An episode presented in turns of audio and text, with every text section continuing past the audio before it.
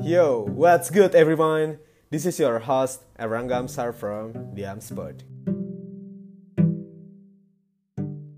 Gua sekarang kedatangan temen SMA gua yang sekarang udah jadi penulis.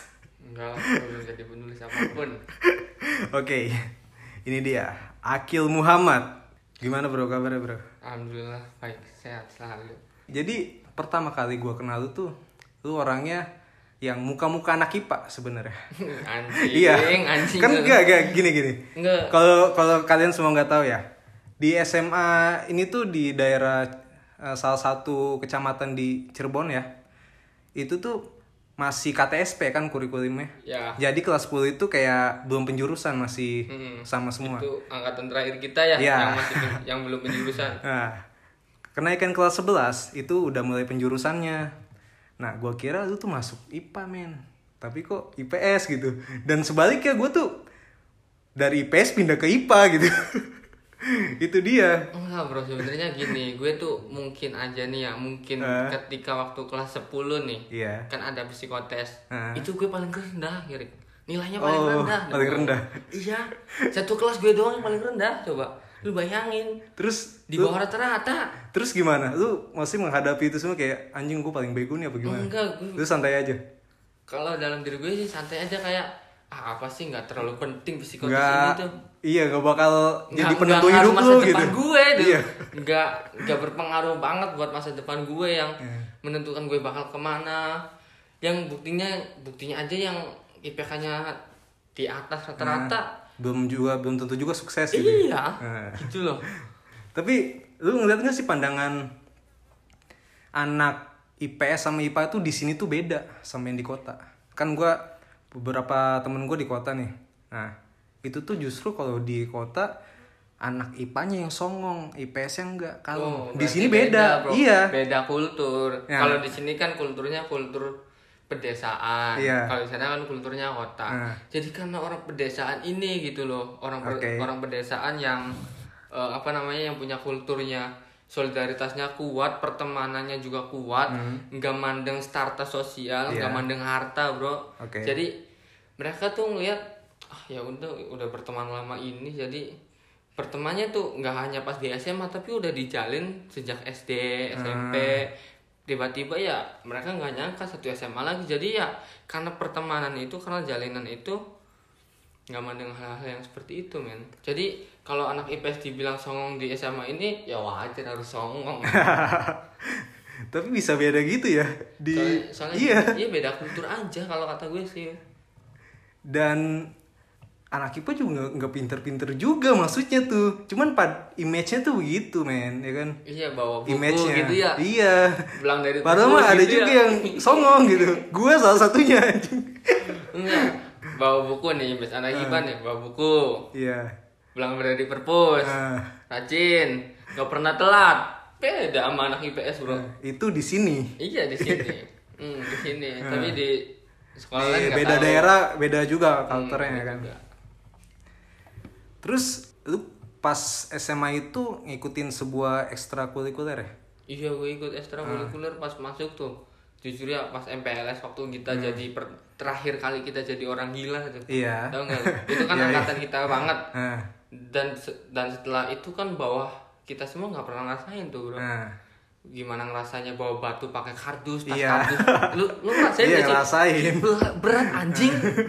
Berat. Ya enggak sih? Iya, bener. Gila, lima batu bata Eh. dalam sebuah kardus yang kita gendong pakainya Berat tali sih. rabi itu anjing berat banget kan Itu terakhir ya angkatan kita Iya, angkatan Dibawa kita. lagi sih ada. Nggak pernah. Oh, nggak pernah. Gak pernah. Oh. Sampai sekarang nggak pernah. Terus sabuk pakainya sabuk sumbu kompor yang zaman dulu. Iya. Ya nggak sih bro. Terus pakai tali rapia Hmm. sabuknya gitu-gitu lah. Terus abis itu apa namanya tali sepatu Ah. siwal-siwalan pakainya tali rapia. Lu bayangin aja. Parah sih. Gimana kita dasi kupu-kupu pakainya apa namanya kertas. Kertas origami gitu ya. Dan itu angkatan kita banget bro gila sih Ah. kata gue sih. Nah pas itu kan apa hari terakhir pas pemilihan eskul gitu ya bro.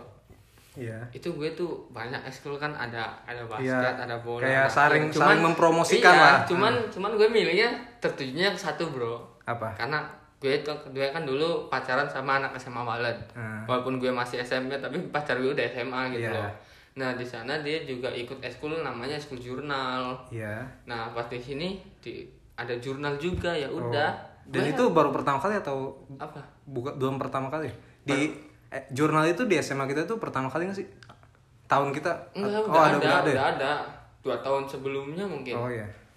Udah ada jadi Jadi lu tertarik. Ih, jadi gue tertarik gara-gara mantan gue itu. Oh, motivasi gue- pertama itu? Iya, motivasinya kayak biar lu kalau dulu tuh pacaran zaman dulu tuh biar song-song couple tuh gimana sih rasanya? Iya, iya. Jadi supaya kita satu pemikiran, kita, dia satu pemikiran, kita satu eskul, dia satu eskul Iya, walaupun iya. beda sekolahan gitu, Bro. Masih ada nyambungnya. ya? Iya. Terus akhirnya eh, selama ikutin eskul jurnal itu lu mengembangin sendiri gitu ya? Enggak, sebenarnya di eskul jurnal ini ya gue tuh kelas 1 tuh nggak pernah kumpulan, Bro. Nggak pernah kumpulan karena emang ketuanya, ketua sebelum gue nih, agak nggak becus. Jadi ketika ada pembina ngasih arahan, ya mereka telan sendiri, Oh, nggak iya. dibagi ke apa namanya adik kelas atau anak buahnya gitu loh. Itu di kelas 10. Iya. Hmm. Jadi kelas 10 tuh kayak kayak eskul tuh kayak udah udah redup banget. Oke. Terus eh, setelah kelas 10, kelas 11-nya? Kelas 11 kita ngadain rapat, pokoknya sebelum kenaikan kita ngadain rapat Hmm. anggota jurnal, terus rapat dipilih karena gue gue jujur ya cowok sendirian di eskul Iya. itu yang notabene semuanya cewek, udah itu dari kelas 12, Hmm. dari kelas 11-nya, kelas 10 juga. Dan gue di situ sebagai kelas 10 yang mau naik ke kelas 11, Hmm. gue cowok sendirian yang ikut eskul Oh. itu. Dan mau nggak mau ya gue harus jadi ketuanya, Bro. Oke, karena eh, pilihan yang enggak ada Nggak ada- cowok lain gitu. Iya, nggak ada cowok lain. Oke, dan akhirnya berkembang lah ya. Gue jadi ketua eskul Selama satu periode, dua periode. satu periode. Oke. Terus eh, kan gua lihat di sosmed lu lu eh, ngerilis buku tuh. eh, nerbitin buku. Iya. Itu gimana awalnya tuh gimana? Awalnya tuh, awalnya tuh pertama gini bro. Anak buah gue, pas gue jadi ketua eskul, anak buah gue itu nulis artikel di kor di media massa di Cirebon. Hmm. Lu ingat gak sih waktu pertama kali kita masuk kan nggak ada SPP tuh. Iya, nggak ada. Nah, terus kan pas kita, kita Ah, kelas akhir-akhir ini 11 ya, gitu ada. kan, tiba-tiba mereka nentuin ada SPP. Hmm. Nah, si anak buah gue ini mengkritiki adanya SPP itu di sekolahan. Iya. Jadi mereka si anak buah gue itu bikin artikel tentang SPP ini Nah. dan itu masuk ke media massa. Oh, masuk. Masuk ke media massa. Terus Nah, si penulisnya itu kan anak buah gue, Hmm. siswa SMA di ya tersebut. di siswa SMA di sini kan. Nah, abis itu anaknya dipanggil, ketua gue ketuanya dipanggil, terus pembina dipanggil, pelatihnya juga dipanggil, teman gue yang alumni alumni SMA situ juga. Jadi kita di ya kita diomongin segala macam bla bla bla bla sama kesiswaan bla bla bla bla. Katanya melanggar ini, melanggar kode etik, melanggar apa. Iya. Kalau gue yang per, gue percayain bahwa sebuah tulisan harus di harus dilawannya dengan tulisan, Bro. Itu kalau Oke. dalam kode etik jurnalistik Iya. ya, Bro. Jadi Tapi dia kalau- ada tulisan lu lawan dengan, tulisan, lagi, juga. tapi Hmm. kalau lu lawan tulisan dengan bacotan lu, Hmm. itu udah melanggar kode etik. Oke. Terus Jadi akhirnya- karena karena gue kesel akan hal itu, gue mau nunjukin bahwa eskul ini ya nggak main-main gitu bahwa Hmm. gue sebagai ketuanya gue mau apa namanya kalau udah kalau bahasa kasarnya tuh gue mau nampar kepala sekolah dengan karya gue gitu Iya.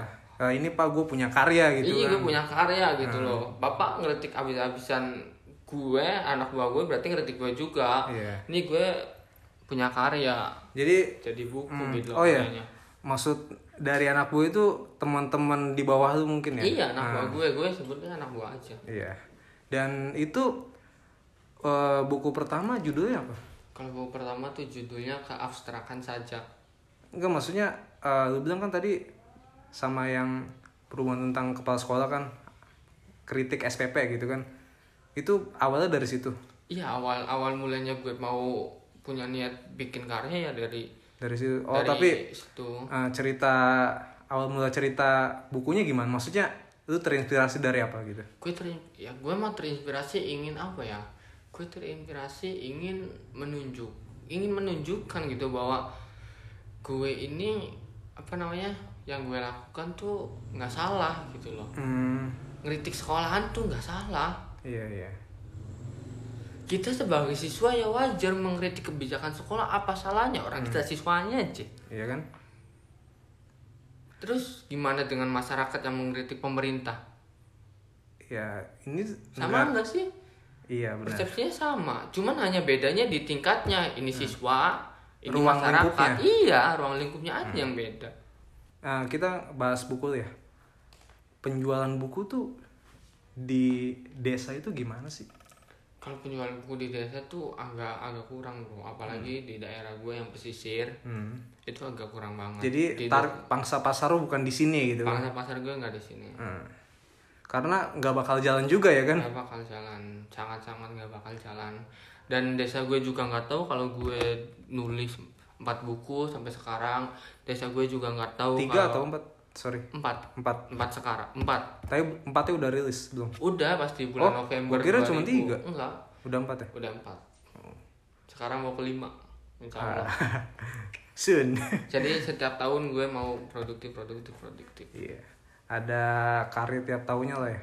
ada harus lah Itu em, kalau kan lu bilang penjualnya kurang di eh, pedesaan ya. Karena kan orang mikir, ah sorry buku lu harganya kisaran berapa sih? kalau buku gue itu harga kisarannya nggak pernah nyampe nyentuh angka 100 50 eh enggak pernah. paling besar tuh yang buku keempat itu harganya 47 atau 48 gitu Oh paling beda-beda tipis lah ya. iya Dan itu menurut masyarakat sini mahal bro. emang Ya mahal kan maksudnya apalagi eh, Indonesia kan masih kurang budaya membaca kan itu mahal men. emang gini gini hal simpelnya gini aja bro 45 45 seandainya harga gue 45 Iya. terus ada harga makanan yang harganya sama 45 lu kasih tawaran ke mereka mau beli yang mana gue jamin mereka bakal beli makanan dibanding beli buku Iya. paham gak Mak- maksud Paham. gue? Buku ini yang mengenyangkan mereka tentang tentang pemikiran Ya, tentang segala macam pengetahuan. Dan ini uh, prospek jangka panjang Iya. lah tapi kalau makanan lu makan ya udah keluar jadi ee jadi Iya. tai ya sih Kan kalau makan kan untuk mengenyangkan hari ini aja gitu iya. kan. Tapi kan gua berhari-hari Iya, tapi kan di sini kan perspektif itu masih seperti itu gitu. Bahkan gue sendiri metode belajar gue bukan dari buku sebenarnya, bukan dari buku fisik. Gue lebih banyak baca artikel di internet gitu kan. gue nggak tahu gue masih belum suka bentuk buku fisik untuk sampai saat ini gitu. iya Dan itu sah saya sih menurut gue metode belajar orang beda-beda kan dari mana aja. pasti soalnya kan sekarang juga kan nggak hanya dalam bentuk buku fisik bro Hmm. ada namanya e-book Iya. buku digital Hmm. ada Tapi menurut beberapa orang esen- esensinya tuh beda baca buku fisik dan digital lebih kerasa Fisik. fisiknya. iya Dan menurut tuh gimana? Kalau menurut gue sih Lu lebih tergantung- suka dari mana? Lebih suka baca buku fisik atau digital? Kalau gue lebih suka baca buku fisik Kenapa? karena buat gue fisik itu apa nyentuh. Lu main HP, lu lu lu baca buku apa namanya dari HP nih. Iya. Ya. Itu ketika lu ada SMS lu pasti bakal langsung mencet SMS itu ataupun Oh. WhatsApp itu dibanding lu lanjut baca. Tak jamin. Ada gangguan. Ada gangguan itu loh. Itu itu. Maksudnya Salah satunya itu, Salah ya. satunya itu yang membuat orang nggak tertarik ke. Jadi lebih ke mending buku baca fisik, HP buat laguan. Jadi musik dengerin iya, Iya. baca iya.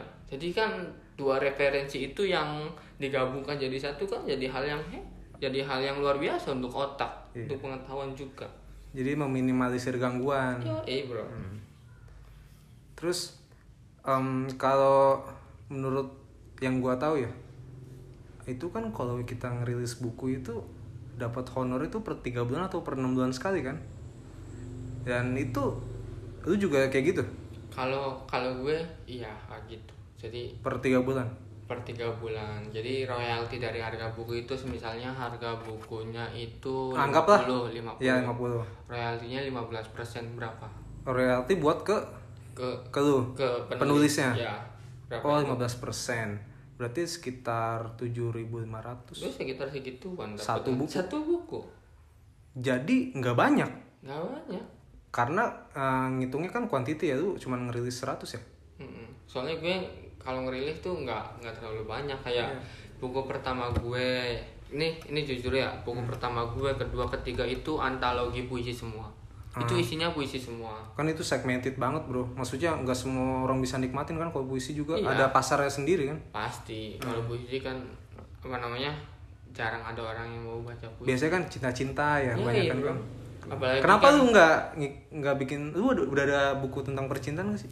Itu tuh yang pertama kedua tuh cintaan bro. Tapi yang ketiga yang Indonesia zaman now itu tentang kritikan keras Ah. puisi gue tentang keadaan Indonesia. Eh, keempat?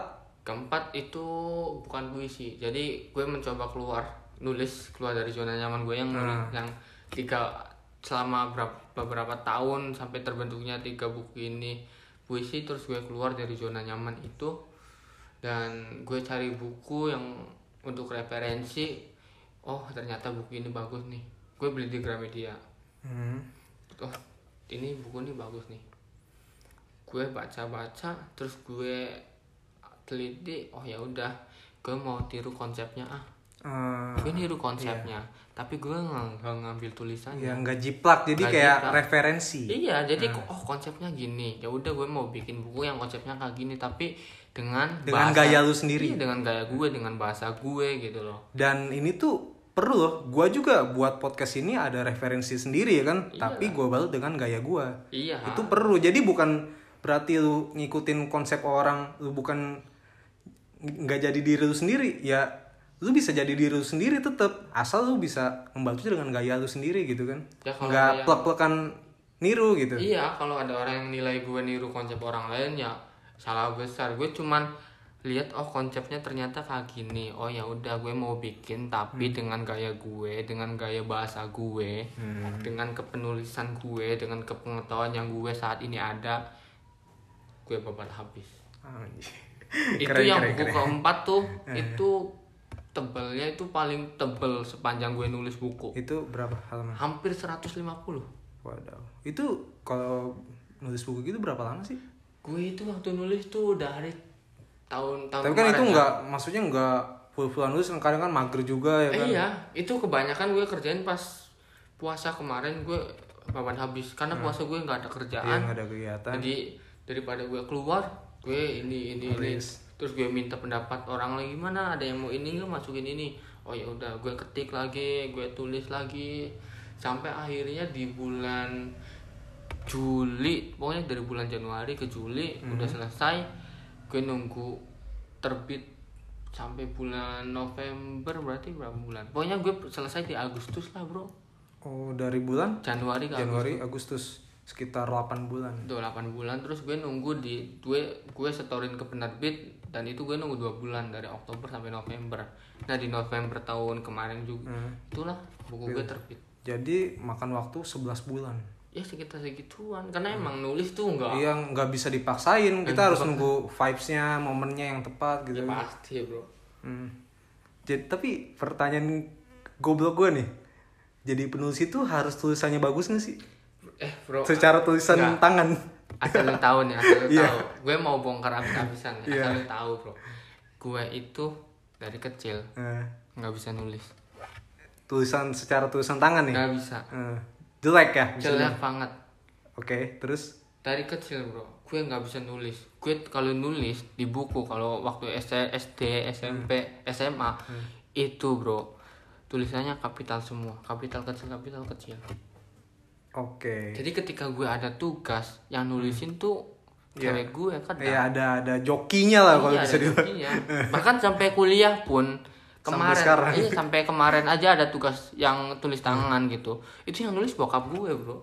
Enggak gue, sumpah gue. Iya, iya. Gue berani sumpah tulisan gue tuh hancur. Iya. Tanyain teman-teman yang pernah sekolah sama gue. Eh, berarti ini menjawab pertanyaan kalau jadi penulis itu nggak harus punya tulisan tangan yang bagus. Nggak harus, Iya. men. Soalnya gini kalau orang yang tulisan tangan jelek itu itu berpikirnya tuh lebih cepat dibanding tuh orang yang punya tulisan tangan bagus Tapi lu tulisan tangan jelek itu karena lu males nulis enggak emang atau gimana emang, atau emang gue suka suka apa namanya emang tulisan gue dari kecil kayak gitu bro oh karena habit, karena apa sih kebiasaan. iya jadi Ya. kebiasaan itu jadi lama cuman gue cuman gue pernah sekali doang nemu guru di SMA gitu ya bro Iya. yang yang Salah satu guru iya, di salah SMA satu lu, ya. guru di SMA gue kayak ngumpulin tugas terus tulisan gue kayak gitu dan Hmm. itu jawab pertanyaan jawabannya benar semua tapi gue nggak nilai dinilai sama sekali gitu loh. Karena nggak bisa baca. karena tulisan gue itu.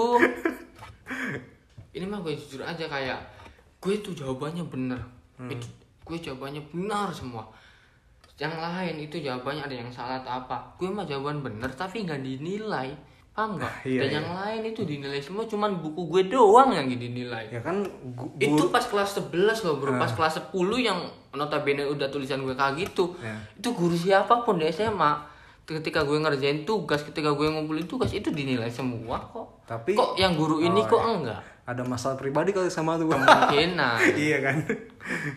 Tapi iya sih uh, beberapa guru juga kan kalau ngelihat tulisan anak muridnya yang jelek kan kayak males gitu kan. Beberapa guru gitu. enggak kalau gue emang enggak cuman guru itu aja sih yang Oh. enggak suka sama gue karena karena gini bro gue gue kenapa tulisannya masih kayak gini tapi gue santai gitu ya Hmm. gue gue mikirnya gini manusia diciptakan itu nggak sempurna ada Iya. kekurangannya dan gue menyadari kekurangan gue itu oh ya tulisan tangan gue kayak gini itu kekurangan gue yang harus gue tutupin dengan cara gue harus menulis Iya. Dan menurut gue sekarang udah modern bro, ya kan? Kayak lu nggak harus tulisan tangan gitu kan? Bisa di print segala macem ya kan. Dan itu salah satu menangani masalah itu tulisan tangan jelek ya kan. iya. Soalnya gue percaya gini bro. Gue gue dari SMA tuh percayanya kayak gini pemikiran gue.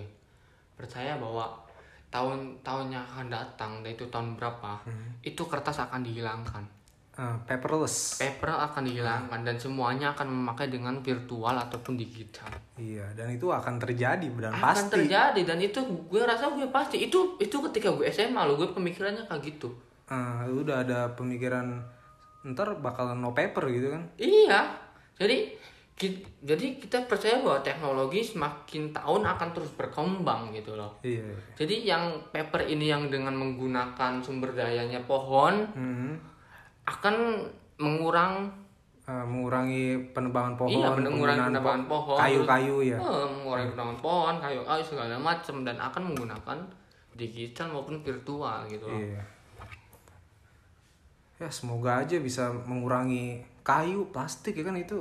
Aduh, itu, itu, itu gue masalah. percaya akan hal itu masalah makanya bumi. gue iya makanya gue selalu bilang ah nanti pada masanya juga kertas tuh nggak bakal dibutuhin Hmm.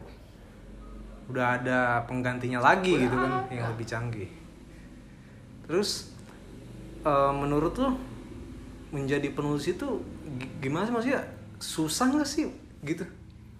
Semua orang kalau pengen jadi penulis itu harus gimana? Langkah awalnya? kalau kalau gue sih langkah awalnya tuh niat bro kalau lu kalau lu nggak punya niat lu mau ngelakuin apa pun tuh nggak bakal bisa Pertama niat. iya yang kedua action Lu udah ada ide harus lu tuangkan gitu kan? iya. Gue niat gue ada gue ada niat gue udah ada ide.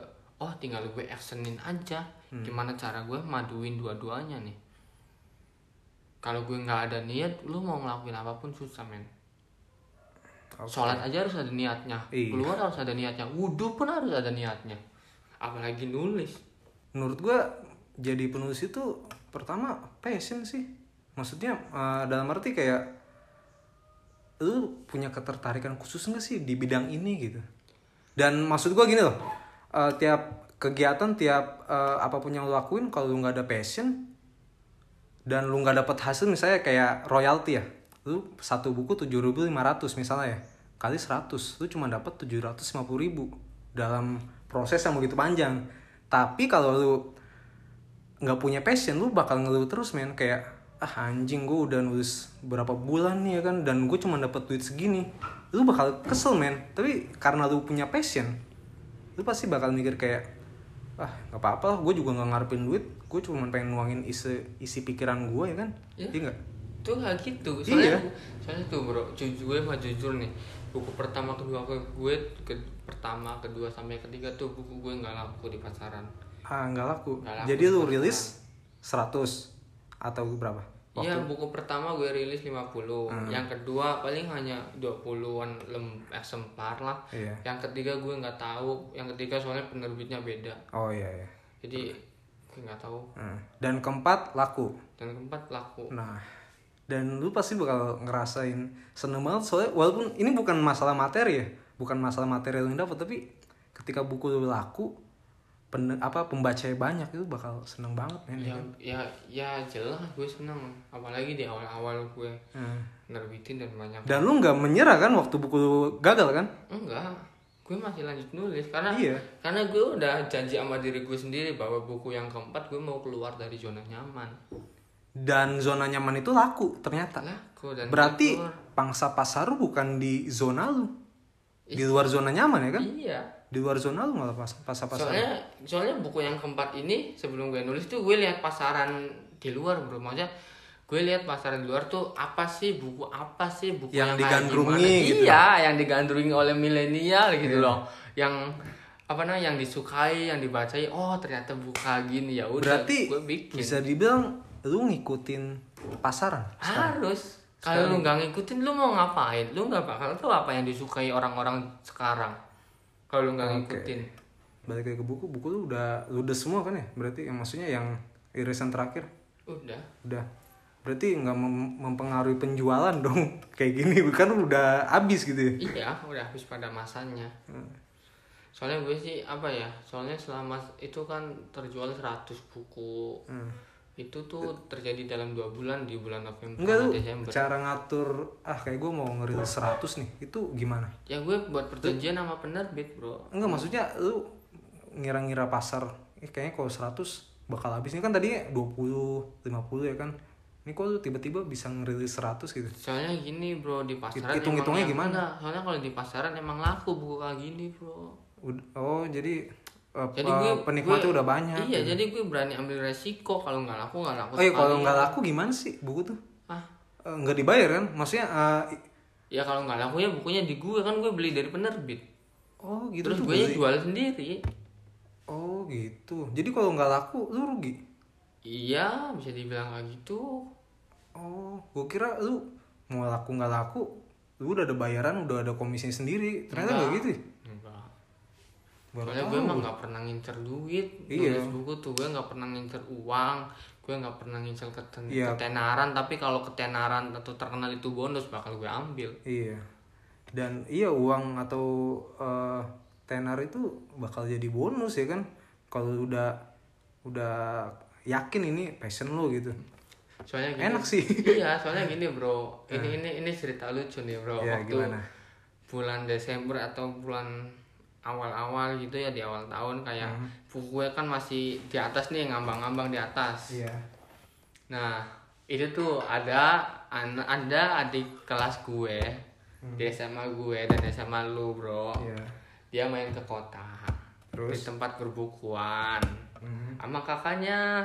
Si kakaknya ini temen cewek gue. Kakaknya temen cewek lu? Iya. Kakaknya dia nih. Temennya cewek gue. Hmm, terus? Nah, dia main ke tempat berbukuan di kota. Terus nanya, "Teh, kenal yang ke- teh cariin ini sih teh bukunya yang judulnya Spasi kan buku gue judulnya tuh yang keempat tuh Spasi. Hmm, spasi. Mengenai cara cinta tumbuh dan kecewa layaknya sebuah pohon dan daun yang berguguran. Anjay. nah, terus? Nah, kata kata adik itunya tuh teh cariin buku ini sih bukunya Kang Akil Kang Akil Akang dong. Nggak terus? cariin bukunya Kang Akil yang judulnya ini sih tuh cariin cariin ya ya ya gue yang denger yang ngakak ya Iya. orang gue nggak pernah masukin buku ke toko buku itu Iya. aja Iya. orang gue jual mandiri aja ya Ah. dia nyariin nggak nggak ketemu ketemu katanya terus nyari di mana gitu ketemu ya ya iyalah gue nggak pernah masukin ke toko penjualan itu Tapi aja. eh, lu bakal masukin ke toko gitu nggak? kalau mau masukin bisa bro Itu- tapi lu harus beli 1000 eksemplar ke penerbit Oh gitu. jadi bisa nyampe 35 juta biayanya bro Oh jadi modal juga lebih banyak ya. Ah, tapi seenggaknya tapi Ya. gue kan orang orang yang nggak mampu orang gue nggak punya duit Iya. kalau gue punya duit kayak gue berani masukin ke toko buka gitu. Cuman gue nggak punya duit aja. Ya dari bawah kan merambat. Dan itu em, berarti modal lu gimana? Yang untuk terakhir terakhir itu ri- rilisan? Gini jadi gue Kan beli kan? Mm, mm, iya gue jualnya pakai sistem PO pre-order. Oh PO jadi jadi gue tahap tahap satu. Misal 30 orang gue mintain duitnya dulu. Tapi gue udah pesen. Oh ya Nah, karena gue belinya harga cetak, harga cetak itu beda sama harga jual. Kalau harga jual misalnya 50.000 ribu, harga cetaknya 25. oh jadi selain komisi dari ah, honor Enggak, dari- kalau gue beli harga cetak gue nggak dapet royalti bro. Tapi kalau gue beli dengan harga jual gue dapet royalti yang 15% itu. oh gitu Tapi kalau gue beli yang harga cetak, gue nggak dapet royalti. Gue beli dengan harga cetak, terus gue jual dengan harga jual. Jadi yang harga cetak 25.000 ribu gue setorin ke mereka, 25.000 ribu lainnya buat gue. oh begitu ya Nah gitu bro. Gue aja hampir 2 juta habis buat beli buku itu. Buat beli 100 lem- satu exemplar itu. Hmm. dua juta dan itu masih skala kecil ya Iya. Masih- Tapi gue nggak mampu, ngap-ngap tuh ngambilin duitnya tuh ngap-ngap. Nah, gue kayak ngambilin duit sendiri gue abis ngambilin duit gue setor sendiri abis gue Iya. setor sendiri bukunya bukunya dapat gue tanda tanganin sendiri gitu kan. Eh, tapi tapi tanda tangan itu emang eh, perlu nggak sih? Maksudnya tanda tangan itu emang eh, da- masuk dalam suatu keharusan di bukunya itu? Tanda kan tangan. gue kan di promosi gue kan akan dapet tanda tangan bro. Oh berarti kayak semacam sama surat. Iya iya iya berarti bukan keharusan ya enggak Ah, cuman- Nah, tapi karena gue promosi aja supaya Iya. mereka itu kan seneng Ah. jadi kalau jadi kalau kalau yang kita lihat sih banyak yang upload dengan apa buku gue dengan tanda tangan gue sama suratnya tuh sambil ngetek gue dan tadi di sosial media gue gitu kan Iya, iya. itu Facebook atau Instagram itu pada ngetek gue pada di storynya atau mana gitu kan itu itu yang buat mereka senang bahagia gitu Iya, loh iya. jadi Hal-hal gue menyampaikan ya. hal kecil tapi gue ngerasa "Oh, ya udah mereka bahagia dan gue senang Hmm. karena apa yang gue lakukan ternyata bermanfaat untuk mereka. Anjay. Gitu bro. Dan dan banyak laporan-laporan dari para pembaca gue nih ya. Dia ngubungin gue kayak "Eh, mas kok bukunya kok kayak aku banget sih? Gitu. Hmm. sesuatu hal apa pun yang lu bikin kalau itu relate berhubungan dengan para penonton pendengar pembaca itu bakal laku men Intinya Iya. sih gimana cara kita bisa bikin suatu hal yang relate dengan kebanyakan orang soalnya soalnya gue gini bro di buku keempat itu itu tuh isinya pengalaman gue patah hati Hmm. pengalaman gue sakit hati pengalaman gue diselingkuhin pengalaman gue selingkuh terus pengalaman gue jatuh cinta pengalaman gue punya gebetan Oh jadi uh, bisa dibilang hal pahit dan hal manisnya lu satuin dalam satu buku. jatuh jatuh buku Oh. dan apa yang gue alamin gak hanya gue sendiri yang Iya. ngalamin lu ngalamin mereka semua juga ngalamin gitu loh Oke. itu relate banget kan Iya. jadi apa yang gue tulis gue tuangkan di situ terus mereka kayak responnya kak kok buku ini kayak aku banget sih Lu diselingkuhin dan lu juga selingkuh ya kan dalam buku itu. kak kok aku kok kok ini kayak aku banget sih sampai terus ada cowok yang beli gitu Eh. mas kok bukunya kok bi- bikin mewek sih mas gini loh kayak kayak ada yang cinta sebelah tangan cowoknya Iya, itu iya. jadi ya gue nulis kayak gitu kan Nah, ah gitu loh Anjing. Unik banget sih. iya itulah keunikan dari buku gue yang itu tuh jadi apa yang gue rasakan selama hidup gue tentang cinta tentang jatuh tentang kehidupan Hmm, Jatuh bangun lah. Hmm. Tentang gimana gak menyerah untuk mengejar cinta ya Tapi kan? uh, semisal masyarakat pada suka nih pada kayak pada suka dengan karya yang terakhir lu, itu mungkin gak sih kalau dirilis dirilis lagi? mungkin aja Di tapi restock? mungkin aja Bisa kan tapi bisa aja tapi kan kalau hanya satu dua sih Iya ya, kan. enggak enggak kalau emang kalau emang penikmatnya ya ada banyak ya. 50 atau berapa ya gue bisa berani untuk ngomong ke penerbitnya itu jadi itu yang bikin gue seru tuh selama dua bulan itu tuh kayak banyak pesan-pesan yang masuk kayak buku buku kamu tuh kayak menentu banget sih kayak Hmm. ini tuh saya sekali kok apa yang bu apa yang kamu tulis kok aku rasakan semuanya Iya. gitu itu yang buat gue seneng Hmm. tuh Gila. Coba cuman secara itu 150 halaman ya. Iya. Itu dari patah hati semuanya digabungin 150 halaman. Itu kejadian dalam berapa tahun? Maksudnya kayak ya gue dari SMP sampai oh dari SMA. mulai dari SMP ya latar waktunya. Iya latar waktunya gue dari SMP cuman gue nggak pernah nyebutin nama orang gue Iya. nggak nyebutin nama SMP gue atau waktunya enggak. Gue paling nyebut nama aku kamu ini ini antara Atau inisial? eh inisial bu- maksudnya atau nama samaran nggak enggak? pernah. Nggak nggak ada hanya Oh. aku kamu aja jadi supaya mereka baca bahwa yang aku ini ya mereka yang Mereka baca. sendiri. Ah. yang kamunya ya mereka yang diharapkan oleh Iya. mereka gitu loh itu Oh. gitu asiknya nulis tuh jadi kadang kalau gue lagi stres gue nulis kadang gue kalau lagi gue lagi banyak tekanan gue nulis jadi ketika gue nulis ya udah tekanan itu stres itu hilang sendiri. Lu tuangkan semua. tuangkan semua soalnya tuh. iya sih kayak gue kalau ada ide pun gue tulis sendiri kill kayak di notes di hp kan gue tulis. Biasanya kalau gue nih eh, ide tuh datangnya kalau gue lagi malam-malam mau tidur sama lagi boker sumpah. Iya gue juga sama. Ya kan? lo tau nggak buku pertama gue judulnya dari kamsakan cacak itu waktu gue lagi boker. Oh. gue, gue lagi Gitu? boker iya serius. Gue tuh mau sekolah ya. Gue boker lama mikir tiba-tiba apa? Abstrak abstrak abstrak sajak abstrak. Oh keabstrakan sajak ih bagus ya kata itu tuh ya. Pas mikir itu sambil boker sambil ngambil air tuh. Iya. ih bagus ya. Ya udahlah keabstrakan sajak aja. Pulangnya gue ketik bro keabstrakan sajak serius. Dan em, itu tuh emang kamar mandi tuh tempat terbaik men. Thinking man kamar mandi itu tempat thinking banget. Tapi kalau lu kan kayak langsung mikir kalau gue bawa hp pasti kamar mandi. Itu enggak gue gue, gue kalau kalau kamar mandi bawa hp gue tuh takut jatuh. Enggak bukan takut jatuh musikan sambil mandi. Oh. Doang. Entah itu haram atau apanya gue Iya, nggak terlalu iya. peduli karena gue Nah. enjoy aja sih. Inspirasi. Iya serius jadi inspirasi tuh muncul di mana aja. Hmm. kayak gitu. Enaknya. anak muda sekarang kayak jarang sih yang jadi penulis. Maksudnya kayak uh, di lingkungan ruang lingkup sekolah tuh banyak gak sih peminatnya penulis itu di sini? Selain Banyak. selain lu dan teman kita siapa? Maksudnya yang di sekolah kita? Ada cuman nggak ke expose aja. Ada cuman nggak- ke expose. dan nggak- belum nerbitin. iya nggak nggak ngembangin nggak apa gitu. Cuman kalau satu ya udah satu aja iya. Oh. Ada. Kayak ketua ekskul setelah gue dia juga nerbitin buku. Tapi dia nggak ngembangin lagi segala macam gitu kan gitu bro. Sebenarnya ada banyak. Gue juga kadang kalau sabtu tuh kalau sabtu gue buka kelas online. Kelas online Kelas menulis buat? Oh menulis Hmm, buat anak-anak jurnal di SMA gue.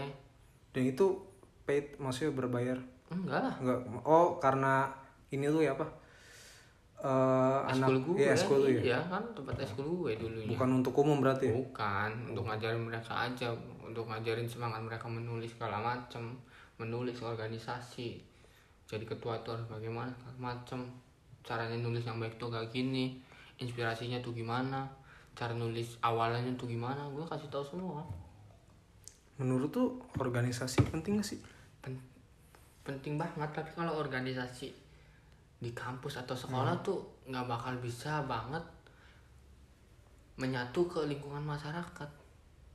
kalau di sekolah Iya ataupun organisasi di kampus atau masyarakat atau sekolah itu nggak bakal berguna di di organisasi masyarakatnya. terus yang berguna Ya organisasi masyarakatnya itu harus masuk. Lo harus masuk ke ruang lingkupnya itu. dan lu udah Gue gue Eh, sendiri yang masyarakat ak- belum? belum. Gue sendiri yang aktif di organisasi kampus segala macam dari aktivis. Gue nggak pernah tuh diajak ikut organisasi di masyarakat. Gak pernah kepilih, gak pernah dilirik. Hmm, ah, ketutupan lu nya tuh maksudnya lu tapi aktif masih di masyarakat? Gue di masyarakat jadi di masyarakat yang baik aja. Gue nggak mau Oh, lu nggak emang nggak mengekspos diri nggak mau. Gue nggak mau ekspos kayak gitu bro. Oh, iya. kadang gue juga ikut lomba di tingkat kota aja atau kabupaten gue nggak pernah bilang ke apa namanya pemerintah desa atau pejabat desa. Walaupun gue bawa nama desa ya. Walaupun gue bawa nama desa mereka nggak tahu kalau gue ikut pemuda pemuda kreatif atau apa gitulah walaupun saingannya dari berbagai kecamatan di kabupaten ini gitu Hmm. Nah, jadi em, pertanyaan gue udah kejawab sih, udah kejawab semua nih tentang buku nih. Ada hal yang mau lu sampaikan gak sih buat para penulis yang masih awam yang mau memulai untuk menulis gitu? Kalau pesan gue sih untuk mau yang mau mulai nulis itu yang pertama kuat kuatkan niat, Hmm. terus cari ide karena referensi tidak datang hanya dari satu tempat. Di mana aja? Lu bisa baca buku, lu bisa nonton film, lu bisa bisa baca webtoon, lu bisa baca Wattpad, Hmm, Webpad. hmm. lu bisa Banyak lah ya. Iya referensi nggak hanya dari buku aja, lu bisa dengerin musik pun itu udah termasuk lu lagi de- mikirin ide apa. Iya. Terus em, ada gak sih kayak quotes quotes yang mau sampein gitu? gini untuk untuk semuanya gini nih ya gue mau nyampein bahwa hidup itu pilihan life is choice Lebih lebih si choice. yes. hidup itu pilihan bukan menunggu ketidakpastian Anjing. Oke Kil, thank you so much uh, buat datang di podcast gua yang masih sangat sederhana ini. Sangat sangat sederhana Ada. Sangat. Um, mungkin Tapi- ya. apa tapi gue berdoa sih semoga podcast ini kan ke depannya Iya. lebih baik lagi Iya. dalam artian adanya alat sarana prasarana yang Iya, menunjang gitu bro Thank you Kil um, atas waktunya. Uh, gua Erangga. gue Muhammad Akil Behaki See you around in the next podcast. Bye.